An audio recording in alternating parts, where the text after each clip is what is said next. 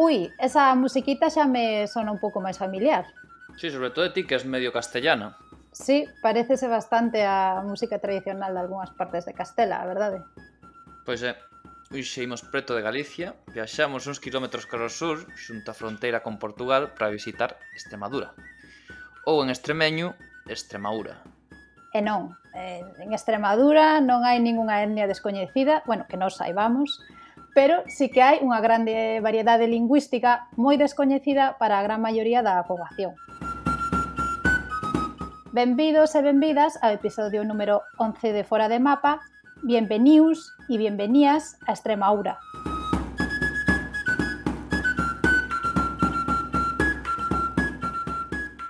Pois é mesmo.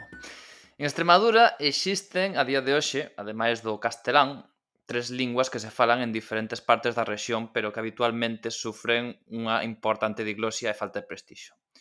Ainda que algunha ten algo máis de vitalidade que as outras. Estes idiomas son o extremeño, a fala ou falas do Val de Xálima, e o portugués rayano, que se fala tanto en Olivenza como nas aldeas eh, doutra zona da fronteira máis ao norte. Sí, de feito, eu son unha desas persoas que descoñecía en profundidade a situación lingüística de Extremadura. E bueno, no, fora de mapa de hoxe, idesnos escoitar pouco a nós, moitísimo menos do normal. Eh, a ver a xente que isto lle preste. Pois seguramente, porque cando nos poñemos, pois somos un poquito pesados. Imos escoitar máis aos que saben, aos nosos convidados, que nos falarán da situación destas linguas. Falaremos con Daniel Gordo, que é membro da OSCEC, o órgano de seguimento e coordinación do extremeño, e a súa cultura. Daniel falarános das iniciativas que se realizan para impulsar o uso da lingua entre a ciudadanía e no ensino, da falta de conciencia lingüística que existe entre moitos falantes e tamén dos presuizos que existen contra o extremeño. Tamén conversaremos con Xosé Álvarez Pérez, que é lingüista e profesor da Universidade de Alcalá e é o investigador principal do proxecto eh, Frontespo, que busca documentar lingüística e etnográficamente a franxa fronteiriza entre España e Portugal, desde Huelva até a Guardia. Falaremos principalmente da situación da fala do Val de Xálima, pero tamén do chamado portugués raiano ou de Olivenza. Ben, en primeiro lugar, Imos facer un repaso histórico breve rapidiño de Extremadura porque máis ou menos xa todos coñecemos un pouco a historia da, da rexión. O nome de Extremadura ten orixe ao redor do século XI. Naceu, por un lado, para identificar as terras que se situaban ao sur do Douro, no outro extremo do río. Pero tamén na época da Reconquista referíase ás terras situadas nos extremos, que marcaban a separación dos reinos cristianos do norte con Arándalos. Nesa época, a Extremadura actual formaba parte do Taifa de Badajoz, un dos máis importantes da península, mas este foi derrotado polo rei de Galicia e León, Afonso VIII, no 1230. E este reino anexionaríase á región de Extremadura.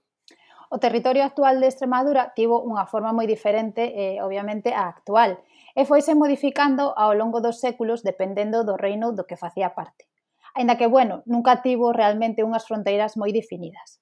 Xa formando esta Extremadura parte da Coroa de Castela, as coñecidas como Extremaduras de Castela comprendían un territorio moito máis amplo que o actual, e que ía desde a actual Soria até o sistema central. De feito, o escudo da cidade de Soria di Soria pura cabeza de Extremadura, facendo referencia, obviamente, a esa Extremadura castela. Co xurdimento da Coroa de Castela, eh, coa unión deste reino co de León ou Galaecia, depende de como vexa desa historia, Uníronse estes territorios nun só ente político En 1371, nas Cortes de Toro, Extremadura ou as Extremaduras eh, foi recoñecida como provincia da Coroa con alcaldes propios que tiñan representación na Corte do Rei. No século XVI, Extremadura estaba dividida en tres provincias, Trujillo, Salamanca e León da Orde de Santiago, que era unha diócese controlada por esa orde militar con centro en Llerena. De feito, as ordes militares tiveron unha importante relevancia na conquista e administración desta rexión durante a Idade Media. Extremadura, como tal, non tiña voto na, en Cortes, ao depender de Salamanca. Pero iso cambia no 1653, cando a provincia de Extremadura consegue obter representación directa ao mercar Plasencia un voto conxunto nas Cortes de Castela, xunto coas vilas e cidades de Badajoz, Mérida, Trujillo, Cáceres e Alcántara. As fronteiras de Extremadura cambiaron cando menos de facto en 1801 ao ser ocupada a vila portuguesa de Olivenza polas tropas españolas na chamada Guerra das Naranxas. Un breve conflicto entre os dous reinos ibéricos enmarcado nas guerras napoleónicas. A pesar que de, de facto, eh, de jure, España controla o territorio desde hai máis de, de dous séculos, Portugal non recoñece a legitimidade da soberanía española e a fronteira nesa zona. Anda que, bueno, tampouco que que poña moito empeño en denunciar internacionalmente a situación ou crear polémicas co goberno español. Simplemente non recoñece a fronteira que está aí, que fai o río Guadiana, e, e pouco máis un conflicto de moi moi baixa intensidade. Sí, a verdade é que pouco se escoita falar diso. Tras a división territorial de España no 1833, a rexión extremeña dividiuse en dúas novas provincias, Cáceres e Badaxoz, que son as actuais. Pois ben, unha vez que temos un pouco repasada a historia, imos agora facer un pequeno repaso das linguas faladas en Extremadura en as que profundizaremos na charla cos nosos convidados. Todas estas linguas tiñan unha importante vitalidade hai 100 anos, só as familias con mellor posición económica e social coñecían o castelán porque tiñan a posibilidade de acceder ao ensino, de enviar os nenos a, a estudar. Obviamente isto muda coa chegada do Estado a estas zonas, ou seja, educación obrigatoria, administración, medios de comunicación, etc. Que a vez que usaban exclusivamente a lingua castelá, tamén espallaba unha ideoloxía supremacista eh, durante décadas. E isto fai que moita xente pois non teña conciencia lingüística de que falan algo que non é un castelán mal falado ou directamente fai que esa xente desprece o seu idioma e non lle ensine os seus fillos. Ben, comezamos co extremeño, que se fala fundamentalmente no norte da rexión e ten as súas orixes na nesa Extremadura leonesa da que falábamos. E de feito ten continuidade dialectal co astur leonés, Como xa suporedes, a maioría de falantes son xente bella que vive nas vilas pequenas e aldeas. Moitos non teñen conciencia lingüística e pensan que falan un mal castelán ou un dialecto local eh, deste idioma, e non unha forma meridional do astur leonés. Nestas zonas nas que o extremeño é falado non existe unha variedade dialectal predominante, nin tampouco hai unha normativa oficial, aínda que sí que existen algunhas iniciativas para desenvolvelo. Imos escoitar agora a unha persoa falando extremeño para que deixades como sona. De calquera maneira, ides escoitar máis extremeño no episodio de hoxe, xa que usará o noso convidado Daniel Gordo. A cinco años en Extremadura dímonos arrochando a parrar la nuestra lengua sin miedo, ni vergüenza, como ídolos nuestros mayores, para que no vaiga la perda. Palrar extremeño sin miedo. E por certo que o Día das Linguas de Extremadura celebrouse por segundo ano consecutivo o pasado 14 de xaneiro de 2021 e ten como obxectivo potenciar todas as linguas na educación e tamén nas, nas institucións e darlle unha maior visibilidade entre a sociedade extremeña. Seguimos agora co cafala do Val do Xálima, que se cadra a, a lingua que máis familiar nos sonará porque é moi semellante ao galego. Falase en tres concellos, San Martín de Trebello, As Ellas e Valverde do Fresno. O Val do Xádima é un territorio que fai fronteira con Portugal e a provincia de Salamanca, e en cada un destes tres municipios, que xa mencionei, falanse formas locais e particulares, pero que son perfectamente intelixibles entre sí. Ademais, é a lingua que ten máis vitalidade entre as tres que imos mencionar. Escoitamos agora un falante de Valverde do Fresno, e xa veredes que o ides entender perfectamente porque se parece moito galego que usamos todos os días. Antes, cando non a fai 50, 60 anos, agarraban a xituna e a machaban. Eh, a machaban machada e a levaban leitaban agua quente e sacaban aceite para levar a Portugal. Uh -huh. E sacaban 3 ou 4 litros e esos levaban ese aceite e traían emple, empleado o diñeiro para pa cá. Depois ya empezou as, as fábricas, os, os lagares, que se chaman lagares.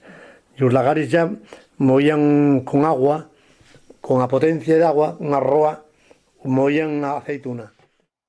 De feito, houve na época do bipartito unha polémica coa, coa fala do Valdo Xálima eh, que foi unha polémica bastante absurda, xa que o goberno extremeño pois vía o interese do, do BNG de reforzar os vínculos, a cooperación cultural con estas poboacións como unha especie de imperialismo ou redentismo.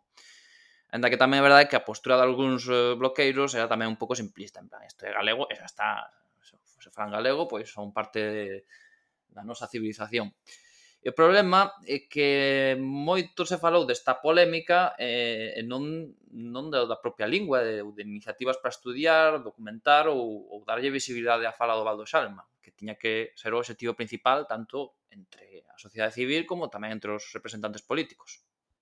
Por último, a terceira lingua falada en Extremadura é o portugués rayano, que con diferentes formas locais se fala algunhas aldeas da fronteira e no municipio de Olivenza. É unha variedade do dialecto do portugués alentexano e obviamente ten influencias das linguas do entorno como o extremeño e o castelán de Extremadura. Por último, imos escoitar a unha persoa falando portugués rayano de Herrera de Alcántara ou Firrera de Alcántara, antes de dar paso ao noso primeiro convidado, Daniel Gordo o allo, o pimentón, entre máis allo, era o chorito e millón. Le estaba a unha cosa que parecera. Le estaba unha pouca de agua e para que dozar te fora un mixía ben mixido, ben domado, porque lle feito moito. Ben domado, ben domadinho, ala. Pero que, que a carne te mesera no, no baño, o baño este. Te mesera a cina, xa estaba boa. Cando o día seguinte se enchía, unha hora que matera. Se matera esta mañá cedo, esta tarde está expediente. Pero final, o día siguiente. Día, mis días, e, e probaba aquilo en o fresco, así, non? Pois está bom de sal, parece que está bom de sal. E outra vez agarra, logo se agarraba unha poquitinha de carne de zatobado, se puña no lume a azar e se comía unha presa asada, que estaba por aquí. Para falar da diversidade lingüística en Extremadura, en especial do extremeño, temos con nós no Fora de Mapa a Daniel Gordo, divulgador e membro da OSTEC, o órgano de seguimento e coordenación do extremeño e a súa cultura. Benvido, Daniel, e moitas grazas por estar con nós. Pois a vosotros, a vosotros. A la buenas tardes. Boas tardes. Mira, primeiro de todo, quería facerche unha pregunta un pouco parva, eh, sobre todo porque unha vez recordo que eh, comentei algo no, no Twitter, eh, falei do, do, do Castúo, e dixerme, non, eso é extremeño, non é Castúo, Castúo é outra cousa. Entón, exactamente cal é a diferencia entre o extremeño e Castúo se existe, e, e por que non sabemos da existencia do extremeño a nivel xeral, digamos, a, a xente estándar, a xente normal, por que non coñece o extremeño? Pois, boa principal, por isto acabero que, que máis dicido agora, que mm, e é por que nadie lo conoce, e é mesmo lo que nos dijo eh, el Comité de Expertos del Consejo de Europa nos dijo eso, dice, el extremeño de aquí para atrás eh, eh, was below, below our radar, ¿no? Es decir, estaba por, estaba por bajo de nuestro radar, nadie sabía, nadie tenía conocimiento del, del extremeño.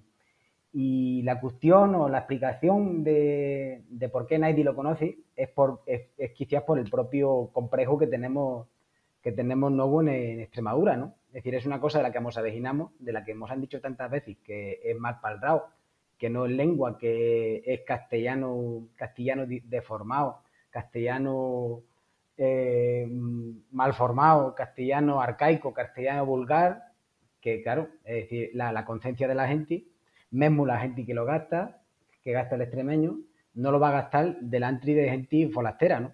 O sea, de vosotros, por ejemplo, ¿no? Si, si vais para, si venís para aquí, para Extremadura, pues sería muy complicado que lo sintierais de, de, de, de Palral, que, que, se, que sería una cosa comparante como pasaba con el gallego, pues hay 30 o 40 años, ¿no? Eh, que era complicado, eh, que el gallego se quedaba más que para pa cosas de casa, ¿no?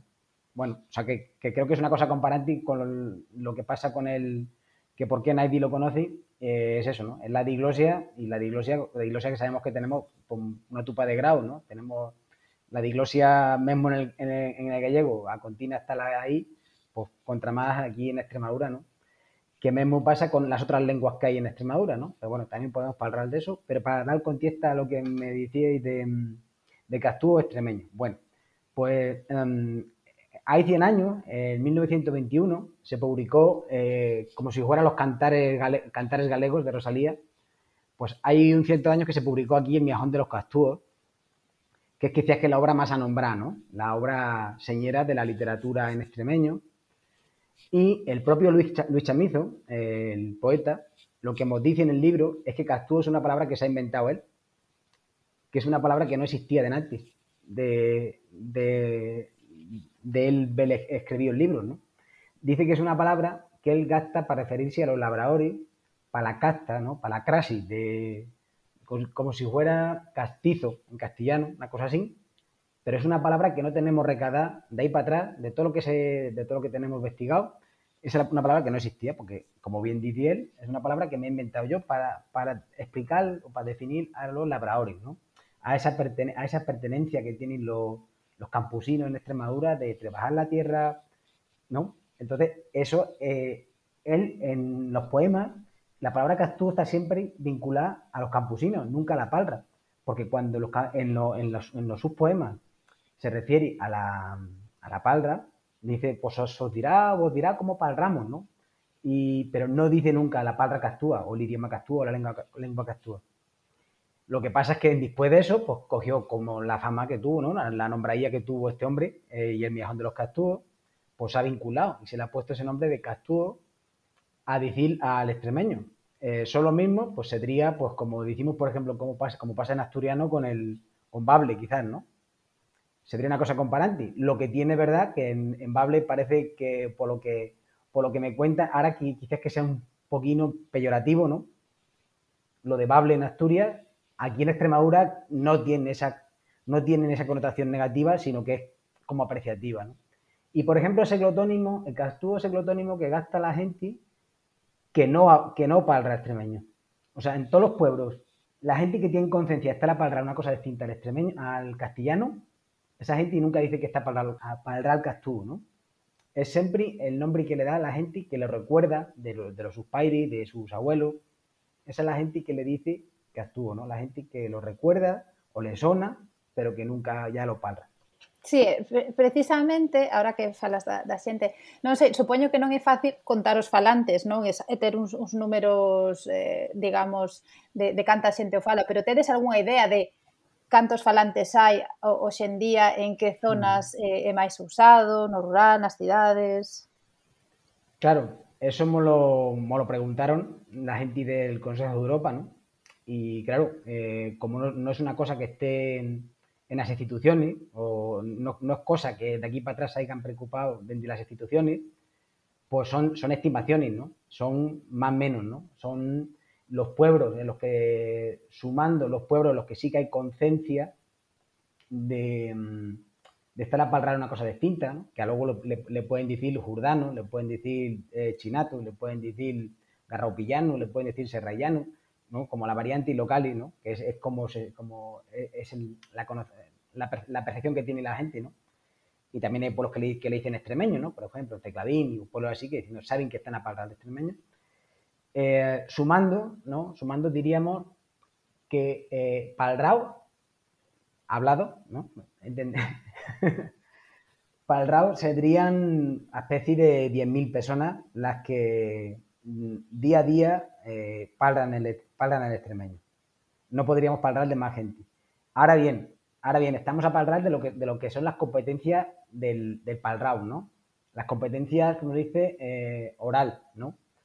Si, si, si estamos a hablar, por ejemplo, de competencia eh, auditiva, ¿no? o sea, de, comprensión, comprensión oral, de cuánta gente lo está entendiendo, pues entonces ahí sí que, sí que estaríamos a hablar de más gente. Ahí sí podemos hablar de que haya 50.000, 60.000 personas que sí que lo entienden.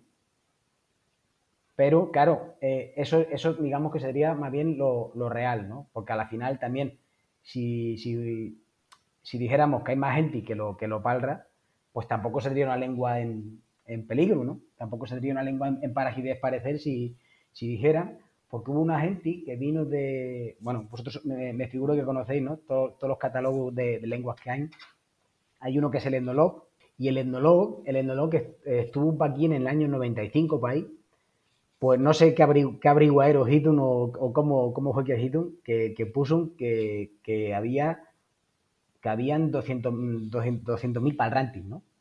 Y claro, y, y, es curioso que, claro, lo, de lo del Consejo Europa me dicen, dicen menos mal, dice, porque, claro, dice, para el Consejo Europa el etnolog no es referencia válida para nada, ¿no? Es decir, es una cosa que, que les parece que no, que no es realidosa, ¿no? Y digo, digo claro, digo, es que si, si, si fuéramos 200.000 personas a hablar el extremeño, pues sería una lengua con una vitalidad impresionante, ¿no? Entonces es eso, ¿no? decir, sí puede, puede haber, claro, hay 200.000 personas en, en, Extremadura que tienen el recuerdo o que, o que las palabras más corrientes pues, que de contado que las entienden, y, y más de 200.000, pues te diría que 600.000 extremeños saben las palabras más corrientes pues, de contado que se las, saben, ¿no? Y que mismo quizás que las gastan así sin, sin, darse, sin darse cuenta, ¿no? Pero ese es el número que le, que le dijimos, ¿no? Y es el, es el, número desde el que partimos, ¿no? Es decir, hay 10.000 personas en Extremadura que, que, gastan en su día a día el, una, una, el, el, extremeño, ¿no? En que no lo llamen, aunque no le den ese nombre, pero que están a gastar una cosa distinta al castellano. ¿Y en qué comarca se utiliza más o extremeño? En, que comarca se está aguantando bastante forte a lingua? Claro, donde más conciencia, ¿no? Donde, donde, más conciencia hay de, de, como digo, como digo, de tenemos ahí un mapina donde hemos marcado las, las, comarcas donde sí encontramos gente que sabe, ¿no? Que cuando está para el RAL sabe que está en un registro eh, lingüístico distinto al castellano, ¿no?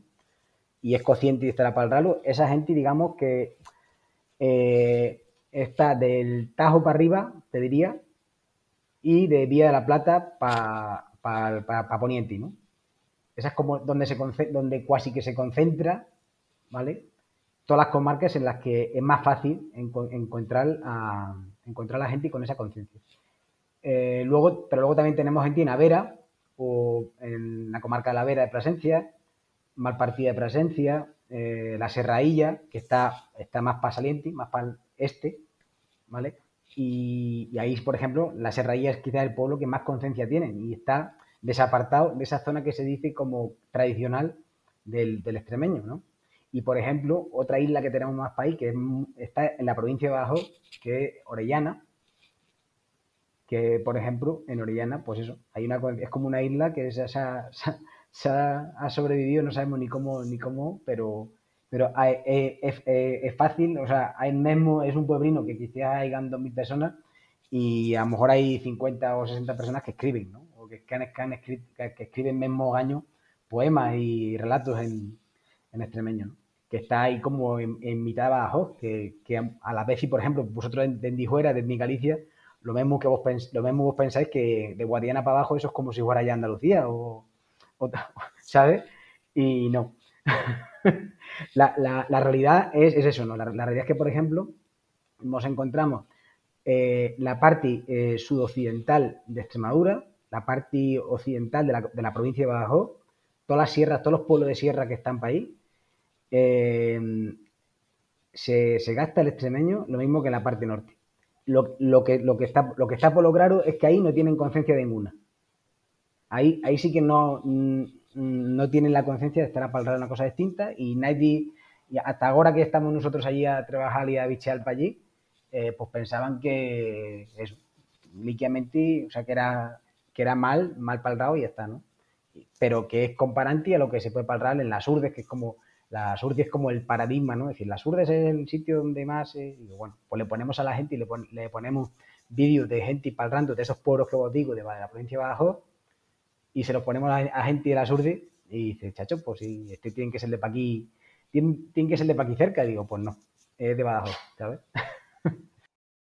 E existen, bueno, xa máis ou menos o mencionaches, pero supoño que existen importantes prexuizos contra contra quen usa este idioma, non? Pues eh, todos. ¿No? Eh, es decir, yo precisamente, eh, precisamente nos dijo en, eh, nos convidaron desde la Universidad de Ámsterdam que no sé si conocéis que hay un, un, congreso que es el Contested Languages in the Old World, de, ¿no? Es decir, lenguas cuestionadas en el viejo mundo, que hicieron en el 2018, la última, la, edición a Cabera, ¿no? Las hizo en el 2018. Y, y nos dijo eso, dice, uh, dice, viendo todo lo que hemos contado, dice, tenemos que decir que decir, el extremeño es como el, el, paradigma de lengua menuía, ¿no? De lengua minorizada porque tiene todos los, todos los tópicos, ¿no? Todos los, todos los tópicos posibles, todo, los, todo, el, todo el ¿no? De, de, la gente propia, todo ese auto-odio, ¿no? Que es una, una cosa que aquí, que es una palabra que ni siquiera, ni siquiera suena, ¿no? Pero es eso, como todos los tópicos de hijos, si quieres tener futuro, no puedes parar así, te tienes que, tienes que irte fuera, porque con lo que tú vales, con lo que, ¿no? Eh, reniega de, esta, de, la tu cultura y va y para los marilis que, y palra bien, que te, que te dirá, que, te, que te dirá mucho, ¿no? que te irá mejor en la, en la vida. ¿no? Y por ejemplo, eso, de, eh, el programa este de Comando Actualidad, de la 1, de Televisión Española, eh, hay tiempo, está grabado para ahí, lo, podéis bichear también en, en, internet, de en un programa de Donde Lenguas, ¿no? Y estuvo una grabar por toda, por toda, por toda España, ¿no? Y, y también vino una grave para aquí. Y nos, escribieron y nos dijo, oye, ¿dónde, ¿dónde podíamos ir ahí que el extremeño? Y le digo, pues vamos a, vamos a Serradilla, ¿no? Digo, pues vamos, vamos para Serradilla, que ahí... Y mismo una Serradilla, ¿no? Que, o sea, que es una cosa como muy... que presentera, ¿no? Pues dijo que... Le, dije, al, le dije al de, al de Comando de Actualidad, digo, tú pregúntale al hombrino ese que está parando ahí sentado en el banco, y pregúntale que cómo le dicen los sus nietos o cómo le dice la su familia de fuera que palra. Y le metió la cara el, micrófono allí y le dice, hola, buen hombre, eh, ¿y usted cuando habla así con su con la gente de fuera? Pues dice, pues ¿no? La respuesta, la, la, respuesta fue, pues me dicen que hablo mal, hijo, yo no sé, no sé qué hago, pero me dicen que hablo mal, ¿no? Y, entonces me, dijo, me, dijo la gente de Comando de Actualidad, dice, chacho, dice, nos hemos recorrido Galicia, Asturias, Aragón, eh, Valencia, el Silvo Gomero, dice, eh, dice, en ningún sitio hemos encontrado tantos testimonios de mal hablado, de cómo, ¿no? O sea, de, dice, nos hemos encontrado chapurreado, eh, portuñol, ¿no? O sea, cosas así, ¿no? De, por ejemplo, como en Zamora por ahí que le dicen portuñol o cosas así, ¿no? O chapurreado que también está en Aragón. Dice, pero este continuo de está mal, está mal, está mal. Digo, a ver, digo, por algo Extremadura eh, estamos como estamos, ¿no? Y somos los, somos los acaberos en todo y bueno, pues esto se transmite a, todo, ¿no? Es una cosa que es sociológico, eh, no es, más que lingüístico, se convierte, se invierte en sociolingüístico, ¿no? bueno, eh, meténdonos un pouco máis na, na lingua, non sei se nos podes explicar un pouco cales son as, as súas características propias. Non sei se poderíamos falar dunha lingua eh, de seu, dunha forma do, do astur leonés, Eh, e xa por último, se nos queres tamén falar de se ten, se ten unha normativa establecida, aínda que obviamente non sexa oficial. Bueno, a ver, está polo claro que Hadi parte del troncón astur leonés, ¿no? Eso está por lo claro, lo dice UNESCO, lo dice cualquiera, ¿no? Lo que sí que, claro, nosotros lo que hacemos en esta, en esta pregunta siempre es que no la contestamos nosotros, sino que la contesta gente que sabe más que nosotros, ¿no? Que son la gente esta del Consejo de Europa, o de UNESCO, o de, o de SIL International. Es decir, son ellos, son ellos propios los que nos dan ese carácter propio, esa matrícula, ese código propio de, de lengua, ¿no? Por eso hay una Wikipedia en extremeño, por ejemplo, ¿no? Y, y ese, eso siempre, siempre lo estamos a cuentar en los pueblos, ¿no? Cuando estamos, estamos cada... Ahora que ya se puede otra vez con, con el andancio, ¿no? Ya, ya, se va pasando esto del coronavirus, ya se puede irle a los pueblos. Y es siempre lo que más me gusta poner este ejemplo, ¿no? De que, por ejemplo, ¿no? De, de que hay, una, hay Wikipedia en extremeño y, por ejemplo, no hay una Wikipedia en valenciano, ¿no? Y es porque, porque porque valenciano... a sin entrar en políticas ni en politiqueo, el valenciano lingüísticamente es un dialecto del catalán. Entonces, hay Wikipedia en catalán, pero no hay Wikipedia en balear ni en, ni en valenciano. Sin embargo, hay una Wikipedia en extremeño, ¿no? Y eso es porque eh, gente que sabe más que gente que sabe más que nosotros, ¿no? Lo que decimos siempre, es decir, nos da ese propio, ¿no? Porque es verdad que es más desapartado, es eso, es decir, el, el, valenciano o el balear viene a ser muy comparante ¿no? al catalán, pero claro, es decir, el, extremeño y el, y el, asturiano pues son más distintos eh, son más distintos que portugués y gallego, vamos, de contado, por ejemplo, ¿no? O sea, la, se nota que es una lengua meridional, se nota que es una lengua de pa' aquí para abajo, ¿no? Tiene el sustrato, tiene, la, tiene el sustrato, pues mozárabe, tiene, es una lengua que nos palra de dónde estamos, ¿no? Eh, así de así de cendillo, de cendillo de explicar, ¿no? De, la geografía quizás que es la mejor, la mejor explicadera siempre, ¿no? De, de cómo tiene ese carácter. Claro, ah, quizás si el leonés hubiera sido más fuerte, ¿no? Históricamente, pues y hubiera habido más, y hubiera habido más comunicación esa vía la plata, pues quizás que el, extremeño o se, se continuaría a ser leonés, ¿no? O, se podría decir leonés meridional o cosas así. Pero como eso se cortó, ¿no? Como en Salamanca estaba el, núcleo de la Universidad de Salamanca de la culte, de, culto, por lo que quedó aquí para abajo es el es extremeño y tiene un carácter propio, digamos, que tiene diferencias eh, de sintaxis, de morfología, de gramática distintas al, vamos, muy corriente, ¿no? O sea, por ejemplo, lo de falar y palral, ¿no? Es decir, ya, ya, se, ya se nos va, ¿no? Simplemente con eso que... Yo, por ejemplo, como, como vos decía también lo del gallego, ¿no? A mí, por ejemplo, yo ahora lo, miro para arriba y veo eso, veo al asturiano como una transición entre el extremeño y el gallego, ¿no? Ahora, a mí se me queda el asturiano como, como eso, como, un, como si fuera la lengua, la, lengua de, de, de, transición, ¿no? En que, está, en que está Polo Claro, que es eso, ¿no? Es decir, tanto extremeño como asturiano, como mirandés, como leonés, como todas las variedades del asturiano, pues somos de ese troncón, de ese troncón asturianés. No sé si está desarrollando algún tipo de normativas. Sí, sí, sí, claro. Eh, de contado, de contado, eso lo, eso lo hemos hecho, lo hemos hecho en Diocec porque no podíamos esperar más. Es una briga que, que mm, antes que yo estuviera en esto, ¿no? Vendí a los años 90, la gente que está trabajando en esto, pues decía eso, ¿no? Decía, no, hay que juntarse y hacer un acuerdo ortográfico para que esto no se vaya a la perda, para que esto no se farrungue, y el caso es que no se podía esperar, no se podía esperar más, y realmente eh, la, principal, la principal tarea que has hecho OSEC, OSEC ha sido el, ver ahí una ortografía, que la podéis ver en la página nuestra.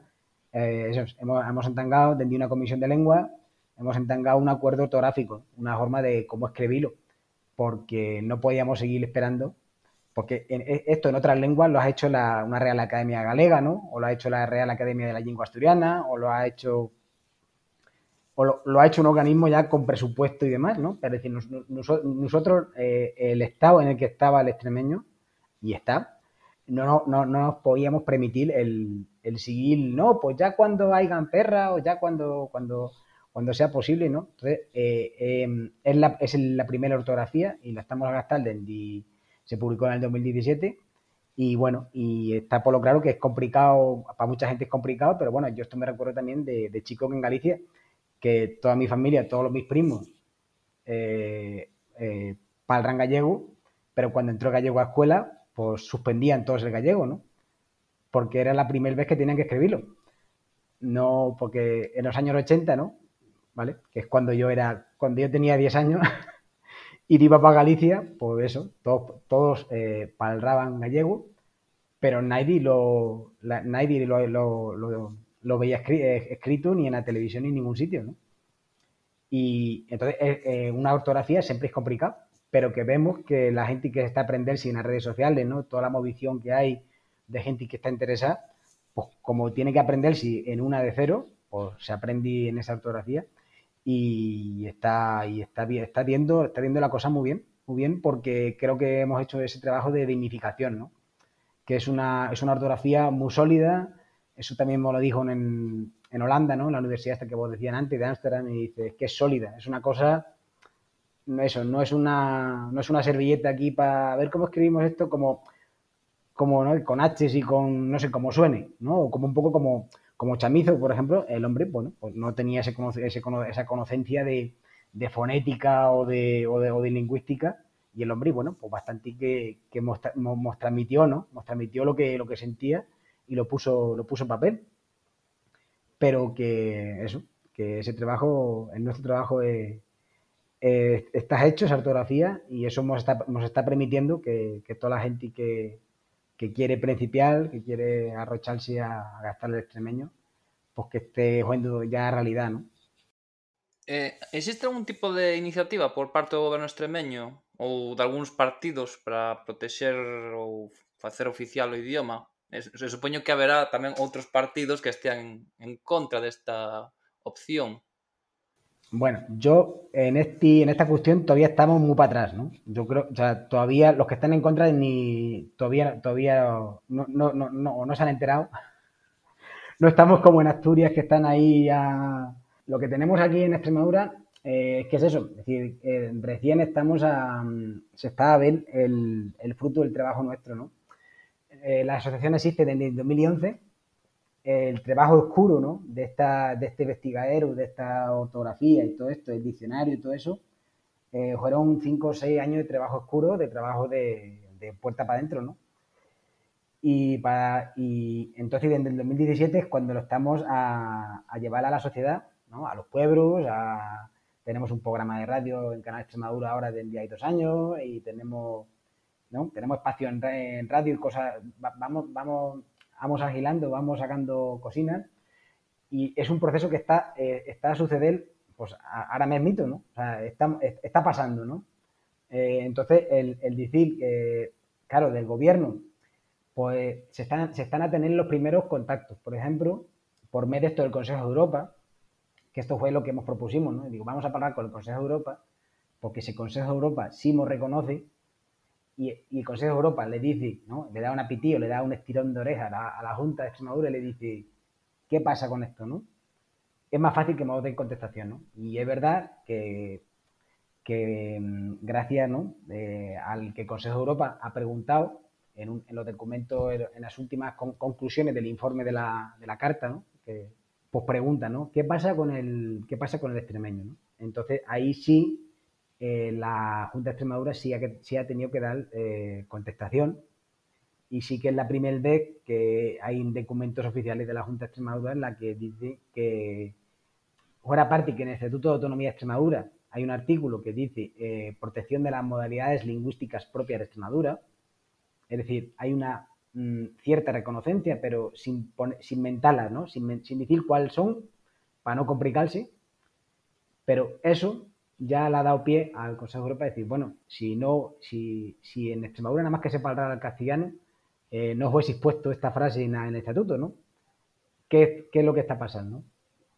Entonces, eh, es eso, no, no hay, no, hay, partidos que estén cogiendo la bandera ni para adelante ni para atrás con esta cuestión en Extremadura, pero sí que la Junta, eh, hay un documento que es el, eso, ¿no? que la Junta de Extremadura, en, respuesta, en contestación al Consejo de Europa, le dice que reconoce que en, que en Extremadura hay tres lenguas amenuías, que son extremeño, fala y portugués rayano.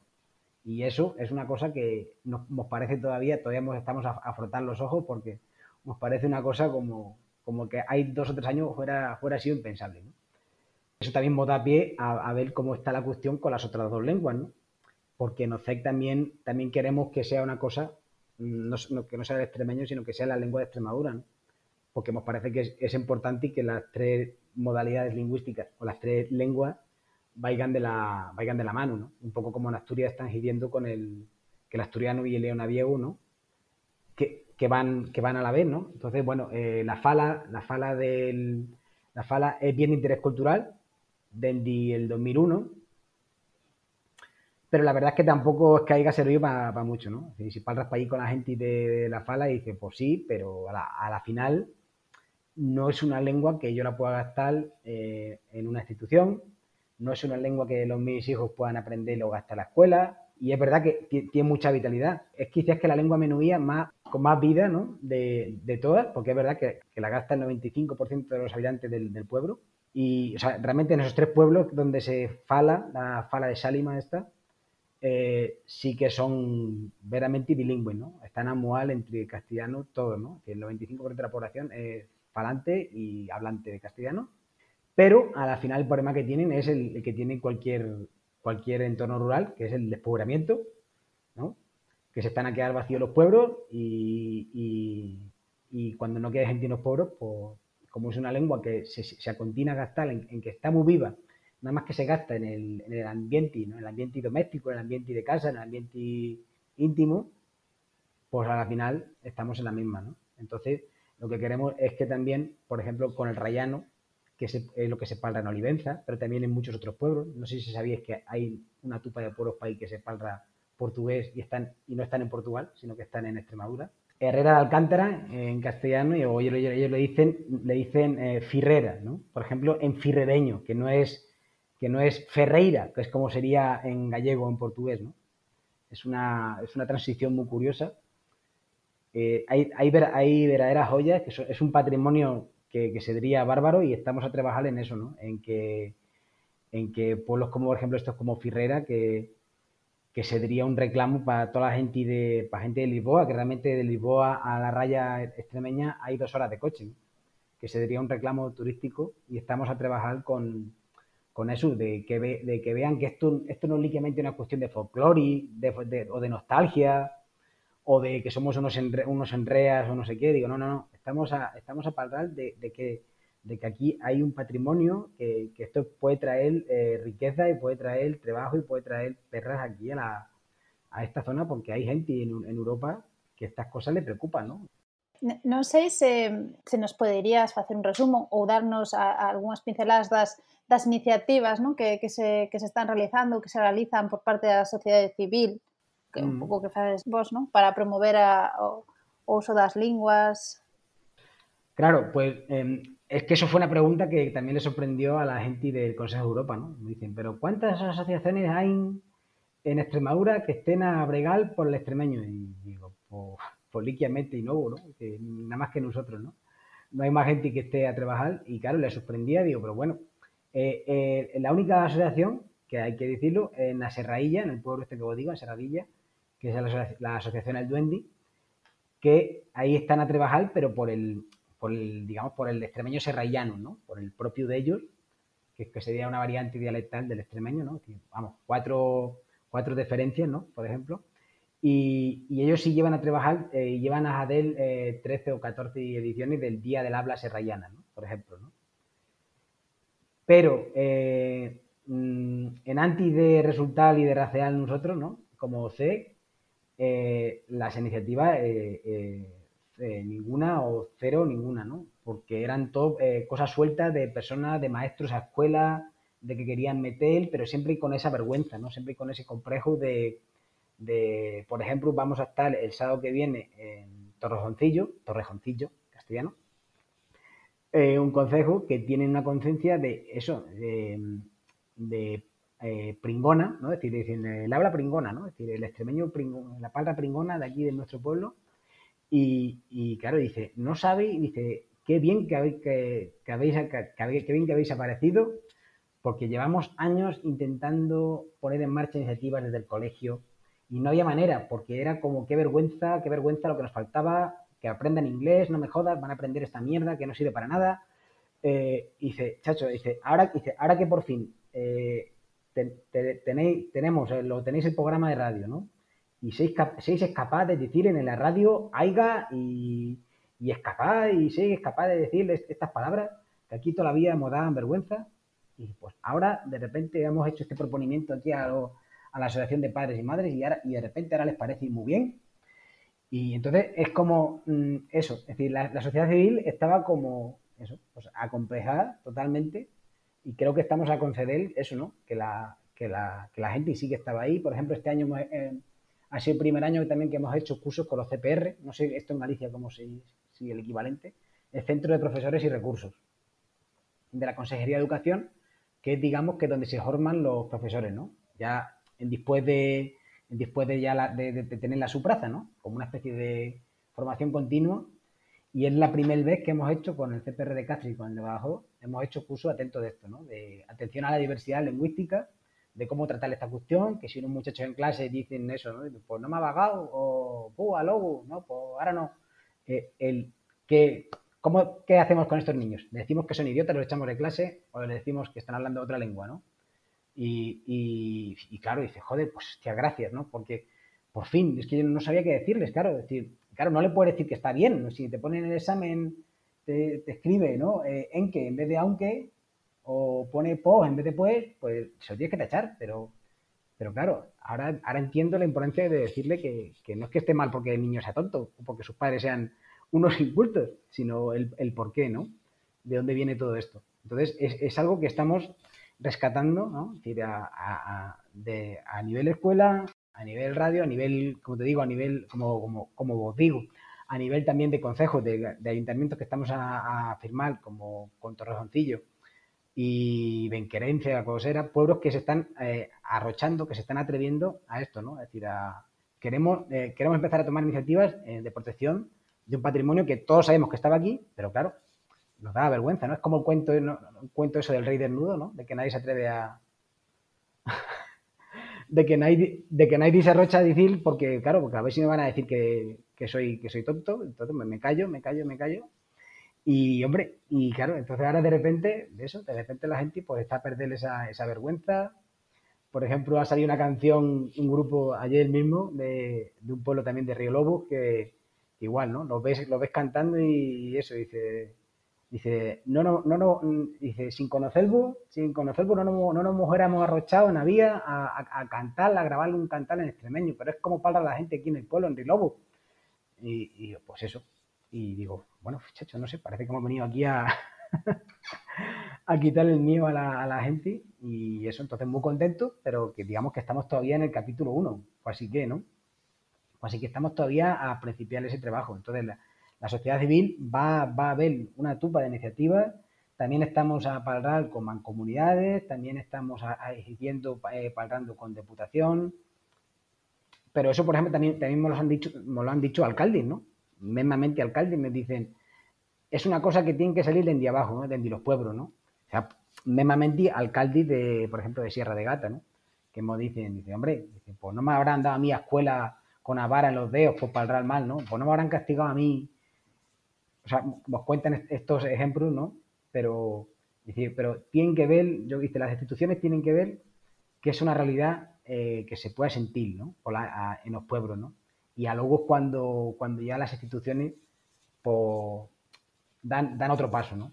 No, es la actitud nuestra de Dios el, el pedir, ¿sabes? Nada más que pedir a las instituciones que hagan cosas, si nosotros también hacer ese trabajo dentro la escuela, dentro la calle, ¿no? dentro los pueblos.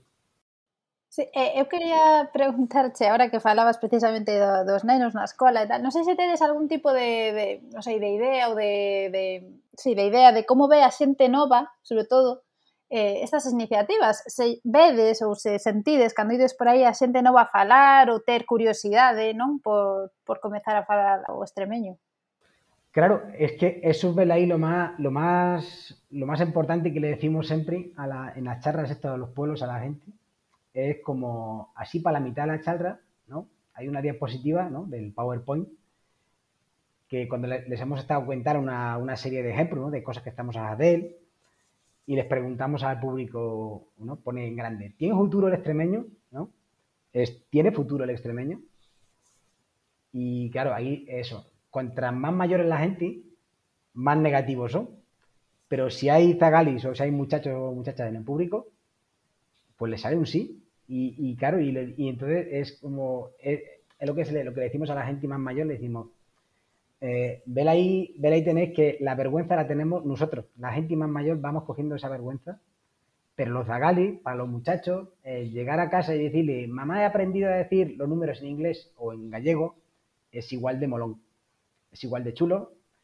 Es decir, ¿no? Es decir estos, complejos nos los ponemos, nos ponemos nosotros de. Digo, si, si vosotros, como Pairis y Mairi, seis capaz de, que no vos de vergüenza, ya os digo que a los tagalis vuestra escuela eh, le va a encantar, porque es una cosa que se la, se la sienten a, los abuelos, ¿no? Hemos hecho, por ejemplo, actividades a escuela en un pueblo que está en Calamonte, que está a Renti y Mérida, en anti de, de, todo esto de la pandemia, ¿no? Y se sorprendían las maestras, porque las maestras eran de fuera y, le, poníamos, le poníamos eso, le poníamos palabras. Digo, venga, ¿quién nos dice lo que es una pitera? Y claro, todos los muchachos, yo, yo, yo, te pero... Y la maestra dice, pero ¿cómo? ¿De, dónde coño saben estas palabras si son, si tienen 5 o 6 años? ¿No? Y digo, bueno, porque es que en los pueblos todavía hay mucho contacto con los abuelos, ¿no?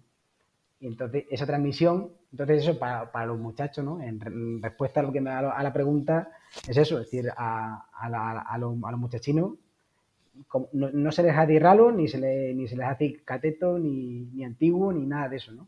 Es una cuestión de, es una cuestión de la gente más mayor de quitar ese, complejo. Y por ejemplo, eso, esto fue en Valencia, Valencia Alcántara, que por cierto es el, pueblo, el sitio, bueno, pueblo para eh, Valencia con 6.000 habitantes es un pueblo, un lindo pueblecito. Y en Extremadura, un pueblo de 6.000 personas es casi, casi que una ciudad, ¿no? Y es el pueblo donde tuvo nacencia eh, la mujer eh, María Victoria Moreno, que celebró el, el Día de Letras Galegas del 2017. ¿sí? Y entonces también lo estuve, lo estuve a comentar. Y, y eso, y la resulta de la, de la chalra, así más chula, fue, fue eso, fue que, que mismo la gente de la, de la corporación municipal, ¿no? los concejales de, de uno y de otro, de PSOE y de PP, que estaban para allí, y dice, pues bueno, pues es que esto hay que ponerlo en marcha ya a escuela, esto hay que, hay que, hay que hacer una juntanza con los maestros, las maestras y el AMPA, y aquí hay que ponerse ya a hacer cosas para que los para que, lo, para que los muchachos lo puedan, lo puedan aprender de chicos. pues, señores, aquí estamos esperando, por favor, ¿no? Claro, es decir, eh, o sea, estaba, eh, la sensación siempre, la, es siempre la misma sensación de que estaba, de que está ahí, de que está ahí, y, pero está como con una capa de polvo o de, o de óxido, ¿no? De, de, vergüenza y que cuantis, cuantis que la quitas, cuantis que la, la raspas o la, o la, o la quitas de por encima, pues está aí, ¿no? Está aí ese patrimonio e está, está moi presentero. Pois, moitísimas grazas, Daniel, por esta inter interesantísima conversa, eh? por describirnos a diversidade lingüística de Extremadura, que a verdade é que tanto para min como penso que en xeral é bastante pouco coñecida. Eh, grazas pola labor que facedes tamén e eh, por loitar por, por a lingua extremeña. Pois, bueno, que... moitas, eso, moitas grazas a vos pola entrevista. Eh, vamos ver, eh, imos ver como o, o resultado. Seguro que é espectacular. Sí, moitas grazas. Agradecido dendi en nombre de toda a xente que semos, que semos e que estamos a trabajar en OCEC, así que un gusto para pa nogo el ver colaborado con vosotros. Falamos agora con Xosé Afonso Álvarez Pérez, doutor en Lingüística, investigador e profesor de Filoloxía Románica na Universidade de Alcalá. Ademais é o investigador principal do proxecto Frontespo, Fronteiro Hispano-Portuguesa, Documentación Lingüística e Bibliográfica, realizado para documentar lingüística e etnográficamente e de xeito bastante exhaustivo a franxa fronteriza entre España e Portugal, desde Huelva até Pontevedra. E que recomendamos bastante que lle botedes unha ollada, porque xa hai unha chea de vídeos na súa canal de Youtube onde se recollen todas estas falas. Hola Xosé, benvido a Fora de Mapa e grazas por estar connosco. Hola, un, un placer. Ben, eh, imos comezar pola fala ou falas do Baldo Xálima. Queremos que nos contes un pouco que son exactamente, se son unha forma de galego ou un astur leonés, digamos, influenciado polo portugués. Moi ben, pois eh, coñecemos como, como fala ou denomínase fala o que realmente son tres variedades eh, diferentes, moi relacionadas entre sí, eh, existe eh, entre os habitantes unha conciencia de unidade ou de moita eh, proximidade, pero tamén unha conciencia de, de que son diferentes, non? que son o, o mañego que se fala no, en San Martín de, de Trebello ou Trevejo na forma castelá, o lagarteiro na, nas Ellas, en Eljas, e o valverdeiro en Valverde do, do Fresno. Presentan algunhas pequenas eh, diferenzas, pero digamos que teñen uns rasgos eh, comuns importantes. Entón, eh, preguntábasme eh, que son, non? Unha forma de galego, asturleonés. Eu persoalmente non, non son un gran fanático das taxonomías ou das etiquetas dos glotónimos, de dicir eh, isto é tal lingua ou, ou non, porque aínda que é unha cuestión que efectivamente a lingüística ten ten moito que dicir e tamén algo no que se mesturan outros sentimentos sociolingüísticos, é dicir, que entra a lingüística pero tamén a sociedade e incluso identitarios. Vos sabedelo ben polo polo obxecto de estudo do, do podcast, non, non hai que ir moi lonxe para enfrontarse con pregúntase o moldavo que que é o moldavo, é romanés ou non é romanés? As variedades do eh, serbio-croatas que que son, non? Entón, mm, a cuestión de etiqueta é é complexa. Eh, sabemos, eu comezaría por eh, dicir que sabemos o que non son. É dicir, nós estudando as súas características estructurais, a fonética, as palabras que utilizan, a morfoloxía, sabemos que non é castelán, como algunha vez se dixo, un castelán influído polo polo portugués, pola zona de fronteira, non é castelán, non é, aínda que hai influencias, non é astur, asturleonés, pode ter influencias nalgúnas palabras que quedasen, algunhas construcións, pero pero non é eh, é unha variedade que nós temos que adscribir ou podemos adscribir ao sistema eh, galego-portugués. Eh, tense dito ou falado, e por iso ás veces se coñece, imagino que por aí ven a vosa pregunta por forma de galego, ás veces falase entre aspas, digo, o galego de Cáceres ou o galego eh, do Val do Ellas. Eh, é unha etiqueta perigosa no sentido de que quen se achegue a ela sen, sen investigar un pouco máis pode pensar que nos estamos a referir con que aí se fala pois, un, un galego do mesmo modo que hai o galego de Pontevedra, o galego central, o galego lugués, pois hai ali un, un galego nun territorio que non ten ningún tipo de contigüidade coa, coa Galicia. Fálase de, de galego, ou algunhas persoas o asociaron, porque hai algunhas hipóteses, algúns testemunhos que suxiren que houve un, no proceso de, recor de repoboación desas terras, eh, colonos que podían vir da zona da zona galega e por, ir, por iso traerían a súa lingua que sería unha variedade eh, de galego, non? Pero non todo o mundo partille esa opinión, hai quen cree que realmente pois é unha rama do sistema galego-portugués como é o galego de actual, como é o portugués actual, pois hai esta eh, esta eh, que chaman algúns terceira pola, ou terceira rama do eh, do sistema eh, galego-portugués. Eh, certezas certezas non non hai, cada un ten os seus os seus argumentos e, vamos, son compatibles cos eh, cos datos lingüísticos que, que temos, só que se un selecciona unha serie de datos, pois saen uns resultados, se selecciona outros, pois outros outros resultados. Non sei exactamente se, se nos podes eh, explicar un pouco as zonas nas que se falan esas variantes do, do portugués en Extremadura. É toda a fronteira ou al, hai algúns sitios eh, específicos? Ben, eh, Extremadura é un, é un territorio bastante bastante rico lingüísticamente. Eh, sorprende porque ás veces temos esta esta idea non de que eh, en España pois Fálase español, obviamente, e os idiomas cooficiais que están recoñecidos e e nada máis, non? Pero a realidade eh, non é esa. Entón, na Extremadura, ademais do da súa variedade do do castelán, o o extremeño, que está moi influído en algunhas zonas tamén por restos do do astur do asturleonés, que a, no proceso de repoboación, digamos, o, o leonés expandiuse por todo o norte de, de Extremadura, depois eh, acabou acabou recuando.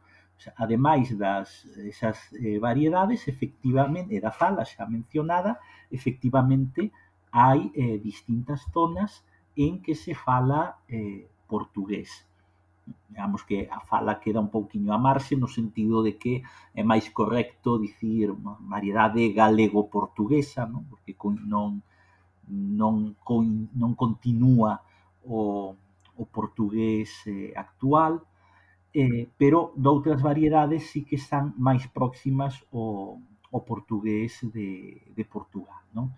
Eh, ali distinguimos eh, indo de norte eh, de norte para, para sur, eh, Herrera de Alcántara ou Ferreira de, de Alcántara, Cedillo, que eh, se chama na lingua autóctona Casaliño, eh, diversas localidades, adoitase coñecer como a faixa de, de Alcántara, un territorio tamén eh, tamén fronteirizo, desa, desa zona e eh, xa eh, máis no, no sur Olivenza ou, eh, ou Olivenza.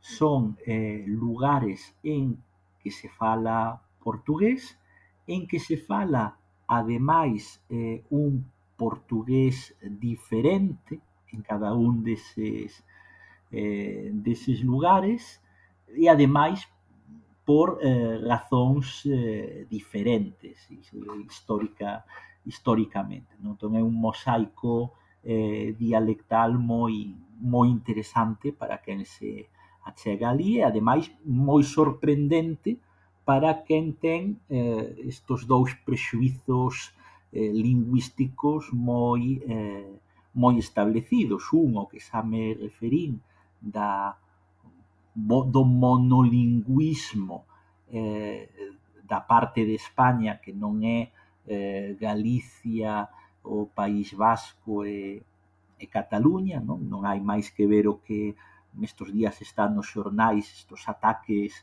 brutais contra o contra o asturiano e contra outro outro tipo de, de variedades que se apartan desa, eh, desa idea E eh, o outro prexuízo que é o de facer coincidir as fronteiras políticas coas fronteiras lingüísticas, cando son dúas eh, cara, do, dous límites eh, diferentes que camiñan cada un co seu eh, co seu criterio, que non teñen necesariamente por que coincidir.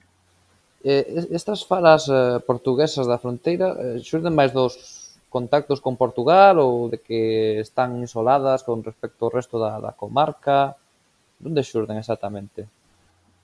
Pois mira, eh, realmente cada, cada unha delas ten a súa explicación.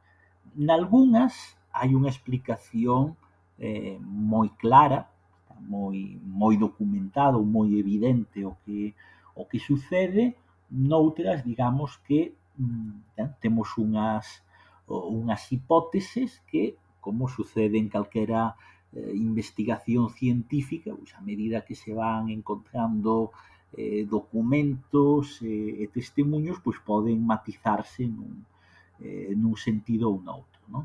Eh, dicía eu antes que eran moi diferentes incluso no, no portugués que, que elas teñen, e ás veces iso ven determinado por estas circunstancias históricas. Eh, por exemplo, eh, indo, esta vez fago, fago ao revés, no? porque comezo cun, cun caso bastante claro, eh, que é o de Olivenza ou, ou Olivenza. Era unha eh, localidade que se incorpora ao territorio de, de España, o reino de, de España, no século XIX, no, no textos das guerras napoleónicas e ali hai un, un episodio que acaba coa incorporación de, de Olivenza á coroa española que é denunciada por, eh, por Portugal, pero que ao final acaba quedando nunha situación en que eh, legalmente hai disputas entre os dous países, se ven que nunca eh, chegaron pois, a unha situación como temos co, co caso non de Gibraltar, por exemplo, que periódicamente eh, se utiliza como, como símbolo por, eh, polos dous países, pois, neste caso non non sucedeu así, pero digamos que o Estado portugués non recoñece oficialmente a soberanía sobre eh, a soberanía española de, de Olivenza, que sí, sí que é unha soberanía que se dá de, de facto, é potencia que administra ese, ese territorio. Non? Entón, eh, explicar por que se fala olivenzo, eh, portugués en Olivenzo, portugués oliventino, é ben doado nese sentido. É unha localidade que ata eh, hai 200 anos era, era portuguesa. Normal que se fale eh, que se fale portugués. No, no caso da, da faixa de, de Alcántara, o que O que acontece é que é unha zona dunha fronteira moi eh, permeable, unha fronteira moi doada de, de atravesar, non hai grandes barreiras naturais, non hai eh, pois como nalgúns casos que temos no final da fronteira entre España e Portugal o, o Guadiana, ou máis para o norte o, o Douro. Son fronteiras difíciles de, de pasar non acontece non acontece aí, entón é normal que eh, por un lado haxa persoas que viven en Portugal pero utilizan eh, pastos ou foron utilizando ao longo do tempo pastos de besas que eran en certo modo transfronteirizas ou que aproveitaban dos, dos dous países. Entón, ali hai un, hai un contacto e eh, tamén moi habitual a migración eh, económica.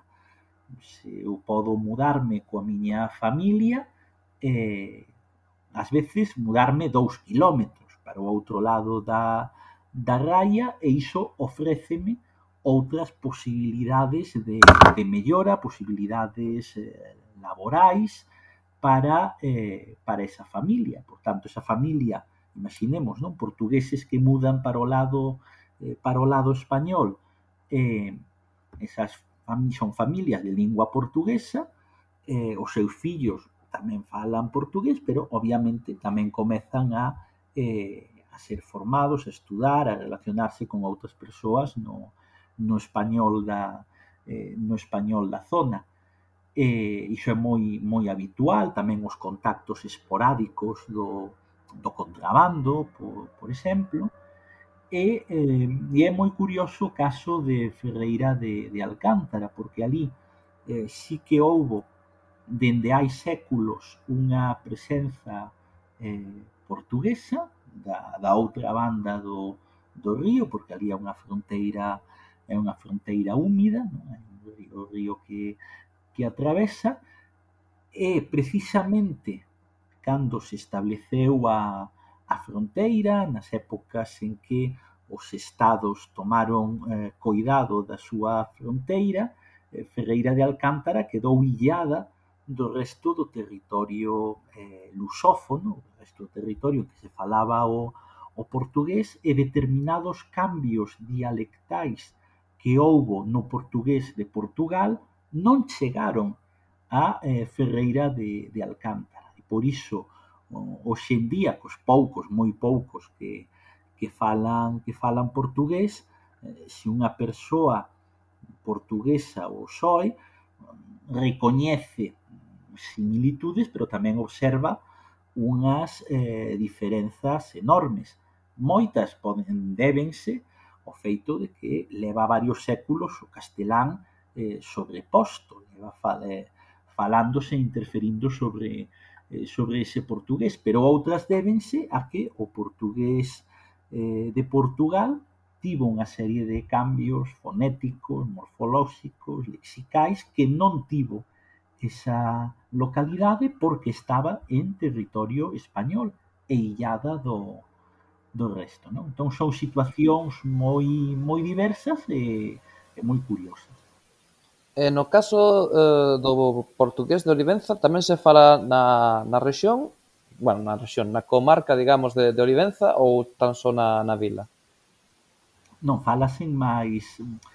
Eh, o, no caso portugués, eh, eles teñen unha entidade municipal, un concepto de concello moito máis amplo do que hai no lado no lado español, moitas veces, sobre todo no contrapoñendo con concellos galegos, eh, zamoranos, eh, salmantinos, moitas veces o concello eh, portugués eh, ocupa o que eh, en España serían seis, sete, oito, dez, incluso concellos, porque hai unha entidade eh, menor en Portugal que é a freguesía que eh, teñes tamén certas características ou certas competencias de, de concello. Non? Entón, en portu, por, eh, portugués falase no que era o antigo Concello de, de Olivenza, que se incorporou a, a España e que inclúe a, a vila e tamén antigas destas freguesías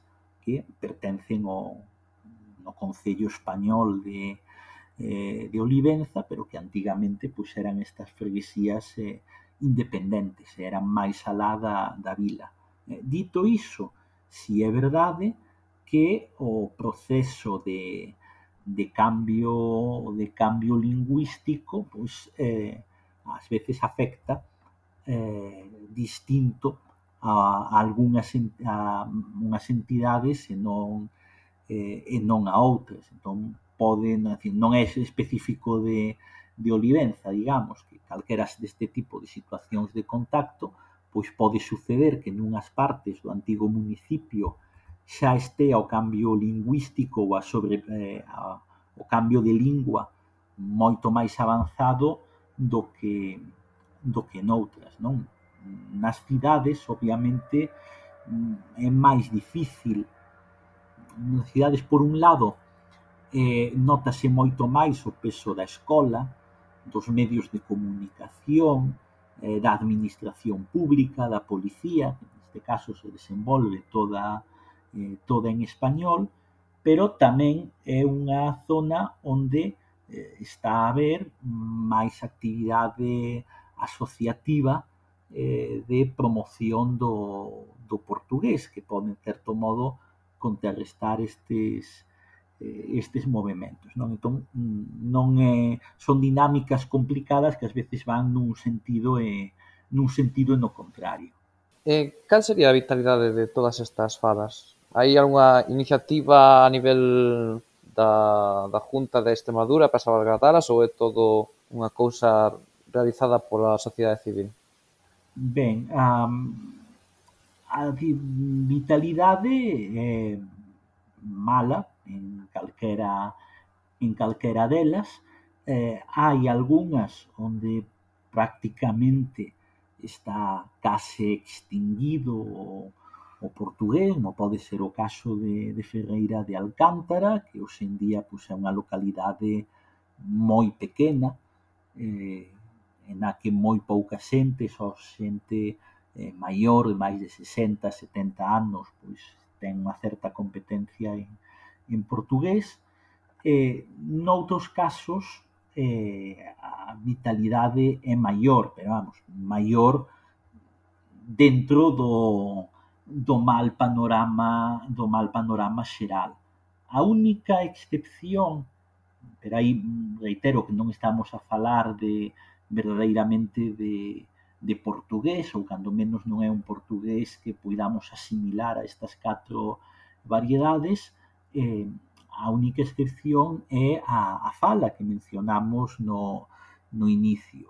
A fala sí que ten unha vitalidade de uso moi grande, e sí que hai un importante asociacionismo preocupado de recoller esa, esa fala, de poñela en valor, eh, hai actividades na, nas escolas tamén, Entón, esa é unha feliz eh, excepción e ten tamén os, os seus problemas, non? Porque un, un problema compartido por calquera eh, variedade portuguesa ou galego-portuguesa en Extremadura é a, a opresión lingüística do, do español, que non é que se manifeste ou no, man, a opresión lingüística, utilizo ese termo conscientemente, eh, pode manifestarse nun aspecto de eh, prohibir, restringir a, as ocasións en que se pode utilizar esa, esa lingua, eu non podo ir ao, ao cuartel da Garda Civil de, de Olivenza e presentar unha denuncia en, en portugués. Hai contextos en que a dependencia dun, dun Estado como o español non moi favorable ao pluralismo lingüístico eh, ten esas consecuencias. Pero hai tamén unha opresión máis sutil que vemos tamén no galego, no leonés, no catalán, en calquera outra variedade que é eh, como se van filtrando expresións fraseolóxicas do castelán, eh, do léxico do, do castelán, morfoloxía, sintaxe, no, no caso galego o vese moi ben na colocación dos, dos pronomes, non? que en determinadas falas eh, do, do galego a fala política digamos que ten aí unha transformación sintáctica eh, moi, moi curiosa que non ten nada a ver co,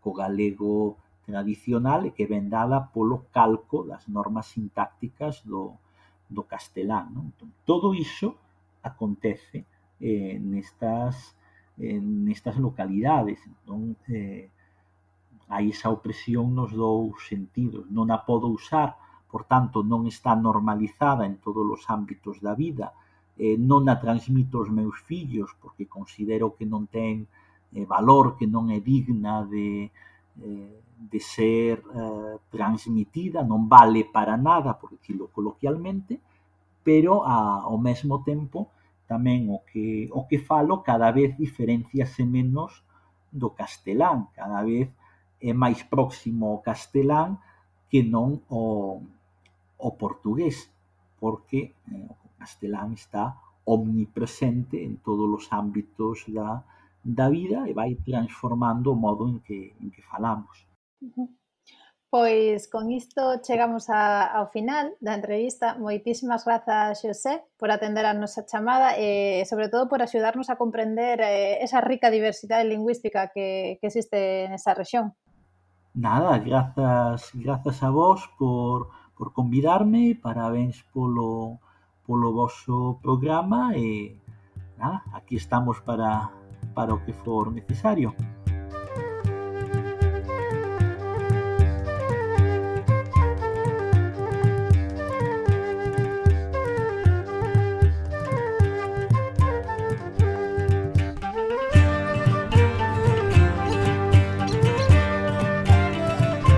Pois estamos moi agradecidos tanto a Daniel como a Xosé polo seu tempo e por achegarnos máis a realidade lingüística extremeña que é moi rica, interesante e, sobre todo, moi descoñecida.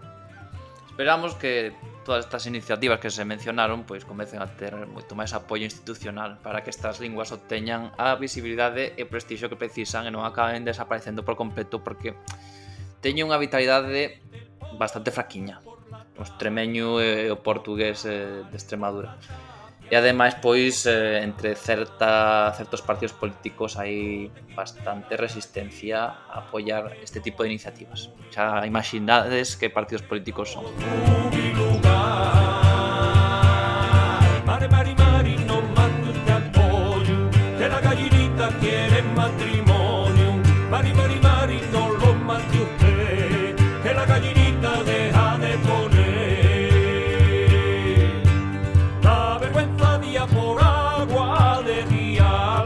que estamos a escoitar é o grupo de folk extremeño El Peluján Canón e a súa canción El Pollo.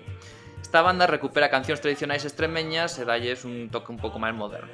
E con eles despedímonos hoxe e tamén pechamos o fora de mapa por vacacións.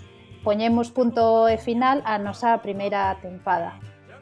Así que é o momento de dar de novo as grazas pola boísima acollida que nos destes nesta primeira temporada e voltaremos, se dio lo quere, en setembro con máis historias e con máis povos.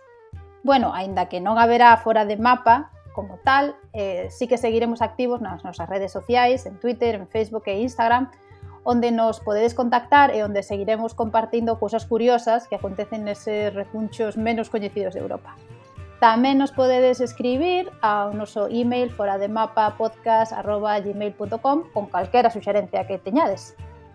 E agora que ven o Brau, en tempiño ideal para botar unha ollada ao Goodreads, xa sei que somos un pouco pesados co Goodreads, pero bueno, el Literedes toda a bibliografía que utilizamos para facer o podcast e os libros das persoas que entrevistamos. E así tamén podedes levar esos libriños á praia ou ao monte e ler, que non fai mal. Pois nada, escoitámonos de novo en setembro. Ata la próxima.